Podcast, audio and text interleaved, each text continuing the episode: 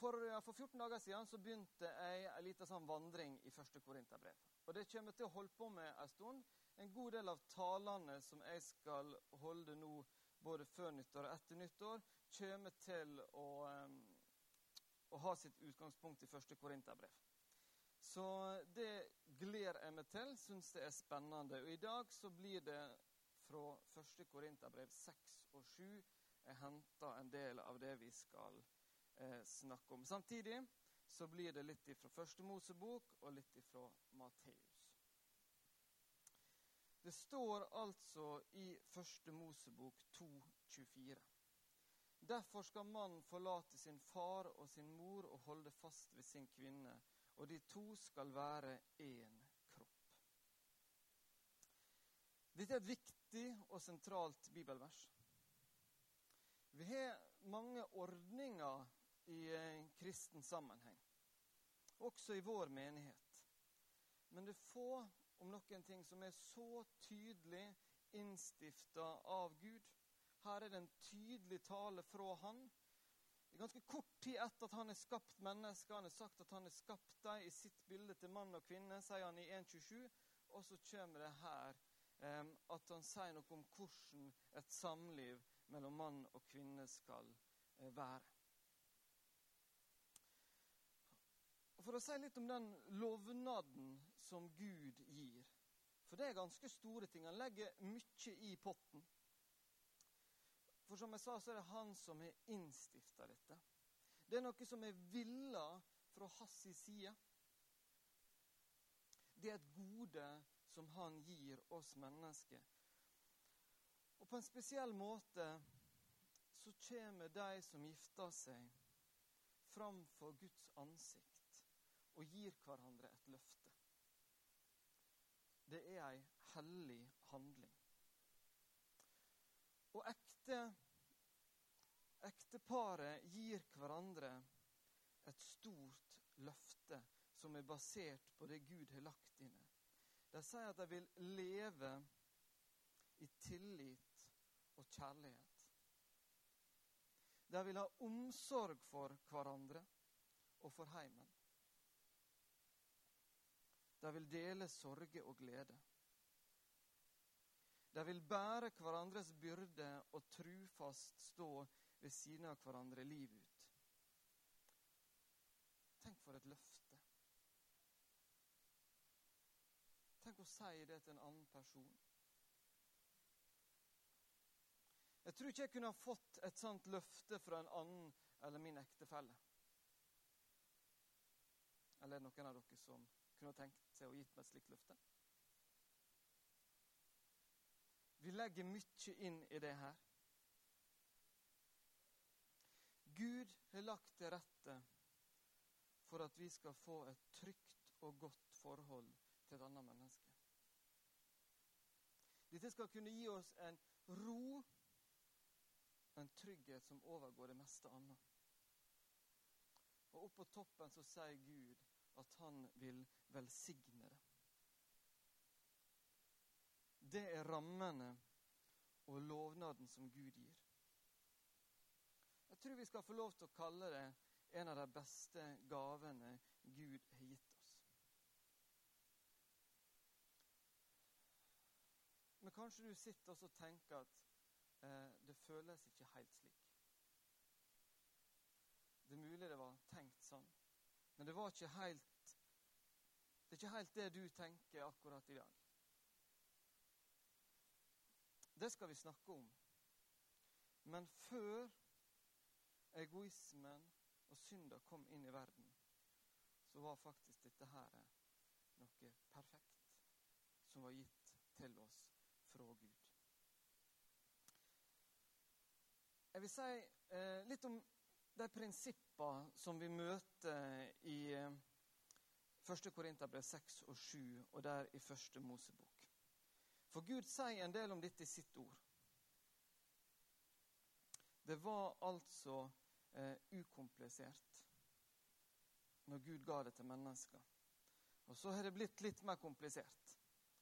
Eh, noe av det første vi møter, er dette at de to skal være én kropp. Det finner vi både der i første Mosebok 2,24, vi finner det i eh, Matteus 19, vi finner det i Feserne 5, og vi finner det her i 1. Korinterbrev 6 og 7. En av de tinga som dette sier, det forteller om en ramme for det seksuelle. De to skal være én kropp. Det seksuelle mellom mennesker, det har Gud plassert inn i ei ramme som han kaller ekteskapet. Og så lenge det skjer inn i den ramma, så er dette noe veldig godt noe som han har gitt oss. Men tar vi det ut av den ramma, så kan det få noen helt andre konsekvenser. Jeg skulle på, en måte ønske at vi kunne bare tro det. At vi kunne liksom stole på at når Gud har sagt det, så er det slik. Men så er det ofte sånn med oss at vi må, nesten, vi må teste litt dette her og, og, finne ut kan det virkelig være sånn. Um, jeg husker når jeg var tenåring så var ett bilde som ble brukt. At vi mennesker er som et eh, eple. At hvis du deler et seksuelt liv med flere mennesker, så vil det være som det blir tatt en stor bit av dette her eplet for hver gang, og til slutt vil du sitte igjen med bare en, en skrått. Det er mulig at noen har opplevd det. Et annet bilde som jeg kanskje syns er, er enda bedre, og som jeg finner bedre dekning for i Bibelen, som er rett og slett akkurat det Bibelen sier i det her verset som står nå på skjermen. Det er nettopp at det skjer noe med det seksuelle. Seksualitet skaper bånd. Det skaper sterke bånd. I 1. Korinterbrev 6, 16 så står et vers der det er nok ikke en språkdrakt som vi kanskje ville ha brukt i dag, men det står Eller vet dere ikke at når noen holder seg til en hore, blir de én kropp? Nå var nok dette på ei tid der det var vanligere med horen i dag. Men det forteller allikevel noe veldig viktig til oss i dag. Det skjer ei binding mellom mennesker som har et seksuelt forhold, som vil være der veldig lenge. Kanskje alltid. Jeg leste ei nyhetssak på VG for ikke så lenge siden. Det var en sexolog som uttalte seg fordi at denne sexologen hadde møtt en del ungdom som var frustrert. Som hadde fått fortalt at det var fin ting å ha litt vennesex. Men det blei aldri det samme igjen. De mista sine vennskap gjennom at de hadde gjort det her. Og Dette her forteller faktisk Bibelen oss. Det var det som står her i dette bibelverset. At når vi deler senga med en annen enn den vi er gift med, så skjer det noen bindinger som alltid vil være der, og som vil være vanskelig å ha med seg kanskje videre hvis dette ikke var en du ville være gift med. Bibelen sier oss dette. Så det som en del forskere altså kan vise oss i dag, det sier Bibelen. Dette her er noe å legge merke til. Jeg har lyst til å si noe, kanskje særlig til dere ungdommer, at når Bibelen sier at sex hører hjemme innenfor ekteskapet, så er det veldig godt begrunna. Det er en innmari god grunn for å kjempe nettopp for det. Og holde det der. Jeg veit at det er mange ting i samfunnet som sier dere at uh, dette her er områder av vårt liv som vi bør teste litt ut. Det er områder der vi bør prøve å oppnå noen nye følelsesmessige høydepunkt. Men Guds ord sier at det er ikke sant. At sex utafor ekteskapet, det handler stort sett om egotripp. Og at det vil dra med seg en del negative konsekvenser.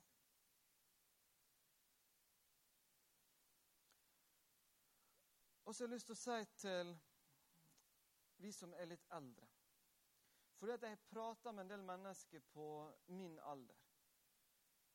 Når vi var unge, så kanskje ble det i, lagt i overkant stor vekt på skadene av eh, å bruke sex på feil måte. Slik at han som voksen i et ekteskap faktisk kan ha utfordring med å få fram det gode i det seksuelle. Så vi må også unngå å havne i den grøfta. Dette her er et gode som er gitt mennesker. Det er en flott ting. Det er noe vi skal være veldig glad for. Og så skal vi vite at det er gitt oss i en ramme som vi skal gjøre hva vi kan for å bevare. Og så skal vi vite det at i et eh, kristent fellesskap så vi vil være tydelige på hva Bibelen sier, og holde det fram som et ideal. Og så er det noen som gjør noe som er dumt, som er utafor dine rammer så skal det kristne fellesskapet være den plassen der du får oppleve tilgivelse for det. Det er en vanskelig øvelse, men det skal vi være gode på, at vi kan holde fram et ideal. Men det betyr ikke at dette her er en plass der han ikke kan snakke om det visst at han har bomma og gjort noe dumt. Da skal vi være et fellesskap som inkluderer og som viser medfølelse, og som viser tydelig at vi kan tilgi sånn som Gud tilgir det. Det skal være kjemperom i vår menighet for den som er tråkka feil, både én og flere ganger. Et annet prinsipp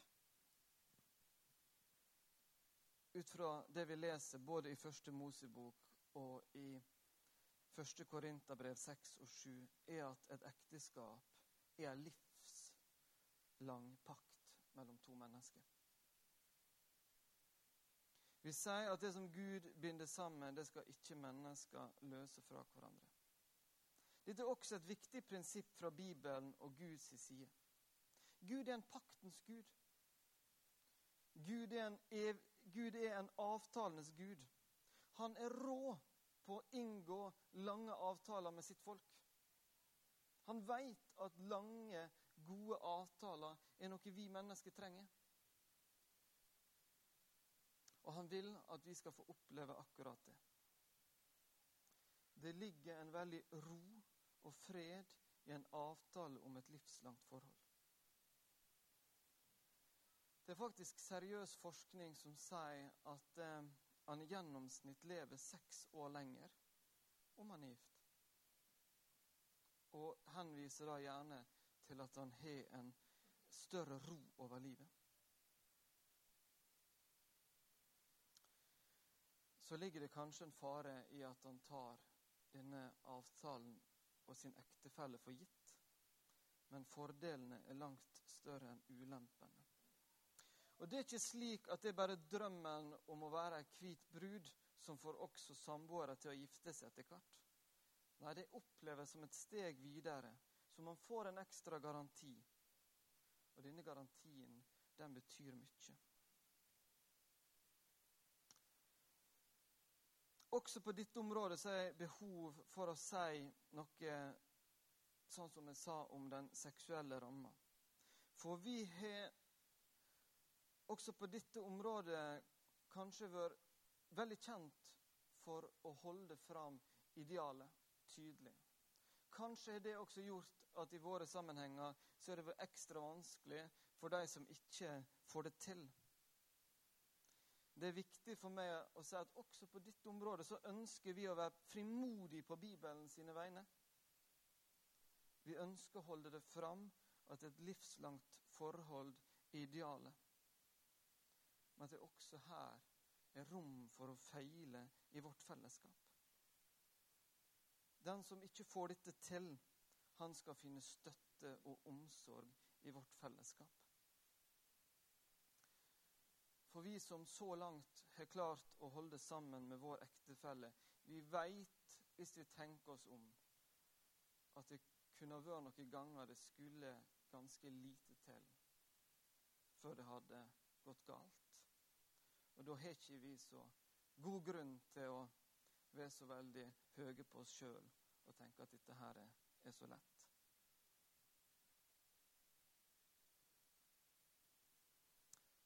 Så en liten ting, kanskje mest til besteforeldregenerasjonen. For det er litt ja, det er interessant å se at allerede når Gud der i første Mosebok eh, 2.24 sier noe om det her, så, så poengterer han dette at han skal forlate sine foreldre og være sammen med sin ektefelle. Det skal vi være opptatt av. At når vi har barn som gifter seg, så er det slik at ektefellen Det er der kjernefamilien er for barnet vårt. Vi skal kutte noen bånd. Vi skal la ektefellen til vårt barn få være den nærmeste til barnet vårt.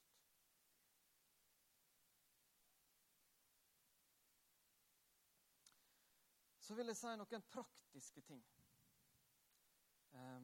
En ting som vi tok opp for snart et år siden på en guttekveld her i Misjonssalen, det var dette med pornografi. Det eksisterer for begge kjønn, men det er nok et større problem for, for menn. Noen sier at 40% av menn sliter med det her. Jeg hørte på radioen for ikke så lenge siden at gutter ned i 16-18-årsalderen bruker minst en time på pornografi om dagen. Jeg har lyst til å si at dette, her må vi, dette må vi kjempe imot. Det er så destruktivt. Det er destruktivt om du er i et forhold, og det er destruktivt om du er utafor et forhold. Det ødelegger veldig mye. Vi 17-18-para som var på samlingskurs her nå forrige torsdag, fikk også høre en del om det der, og konsekvensene av det.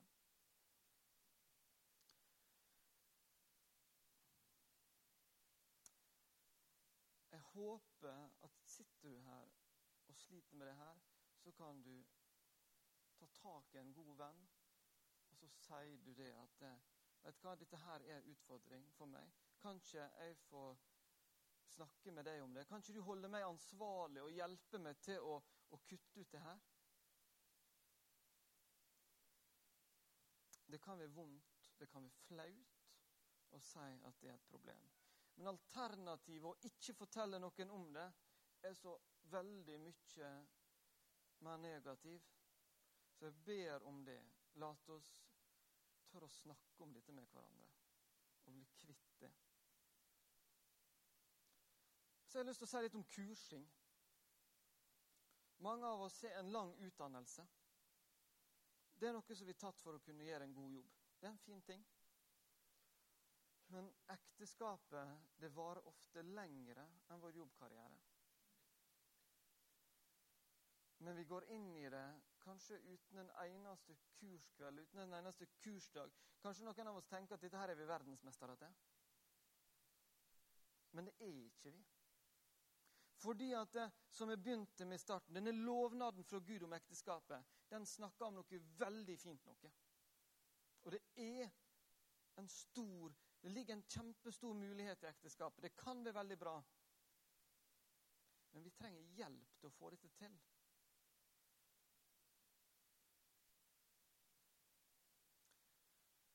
Dere som eh, har barn, som har kjærester, eller som er forlova. Gjerne nå i julegave. Send deg på et kurs om sånn før vi gifter oss-kurs. Det er det flere som tilbyr det. Kanskje klarer vi å, å tilby det med etter hvert. Og for vi som er gift, så burde det være kanskje obligatorisk å gå på et samlivskurs hvert femte år.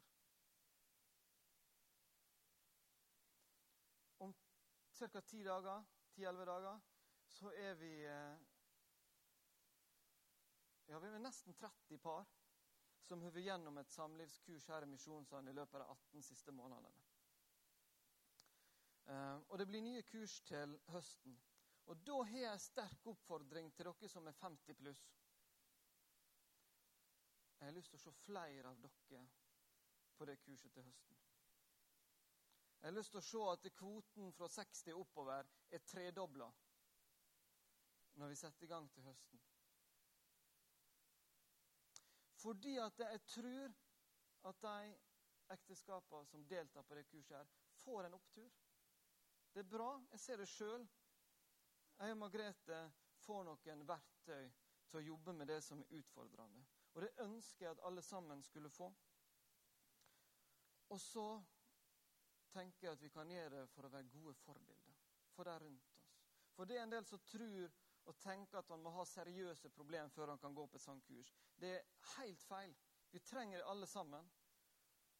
Og så kan det være at du går på et sånt kurs, er et forbilde for noen som tar det, som kan få et bedre samliv. Jeg tror at disse samlivskursene som vi skal holde her i Misjonssalen, kan få store positive konsekvenser for Ålesundsområdet. Og da trenger vi noen forbilder. Det siste jeg skal si, det handler om selve bryllupsfesten. Fordi det er viktig for meg å si at det Bibelen sier om ekteskapet, det er viktigere enn våre tradisjoner. Jeg møter noen, og jeg hører om flere, som sier at de ikke har råd til å gifte seg. Koster det penger å gifte seg? Det er festen det som koster. Og den kan koste ganske mye. Men kanskje skal vi være også forbilde i vår sammenheng på det området. Kanskje skal vi tone litt ned, slik at det er ikke flere som tenker at de må ha de mest fantastiske og kjempestore bryllupene som skal koste så mye. Jeg sa en ting til konfirmantene i fjor når vi var på Sandhelg. Jeg har ikke diskutert det med Margrethe, så det kan hende at det kan bli et bråk i vårt samliv. Men, men jeg sa til dem at hvis det er noen av dere som velger å bli samboer i stedet for å gifte seg fordi at dere ikke har råd til bryllupet, ja, da kommer dere og snakker med meg. Jeg tror kanskje at det er flere her som er kanskje mer å spytte inn med enn meg. Men, men, det er noe her vi, vi må ta det seriøst, det vi mener. Jeg syns det er for gale hvis vi har lagt opp til en tradisjon som gjør at det er for dyrt å leve et sånt samliv som Bibelen holder fram som idealet. Kjære Jesus. Takk for at du har gitt oss eh, ekteskapet. Takk for at du har satt et samliv inn i ei ramme. Jeg ber om at du må hjelpe oss til å holde fram ditt ideal som noe rett og godt. Og så ber jeg om at du må hjelpe oss til å bli omsorgsfulle, vise nåde og barmhjertighet på de som ikke fått det til. Hjelp oss til å følge ditt ord også på ditt område. Amen.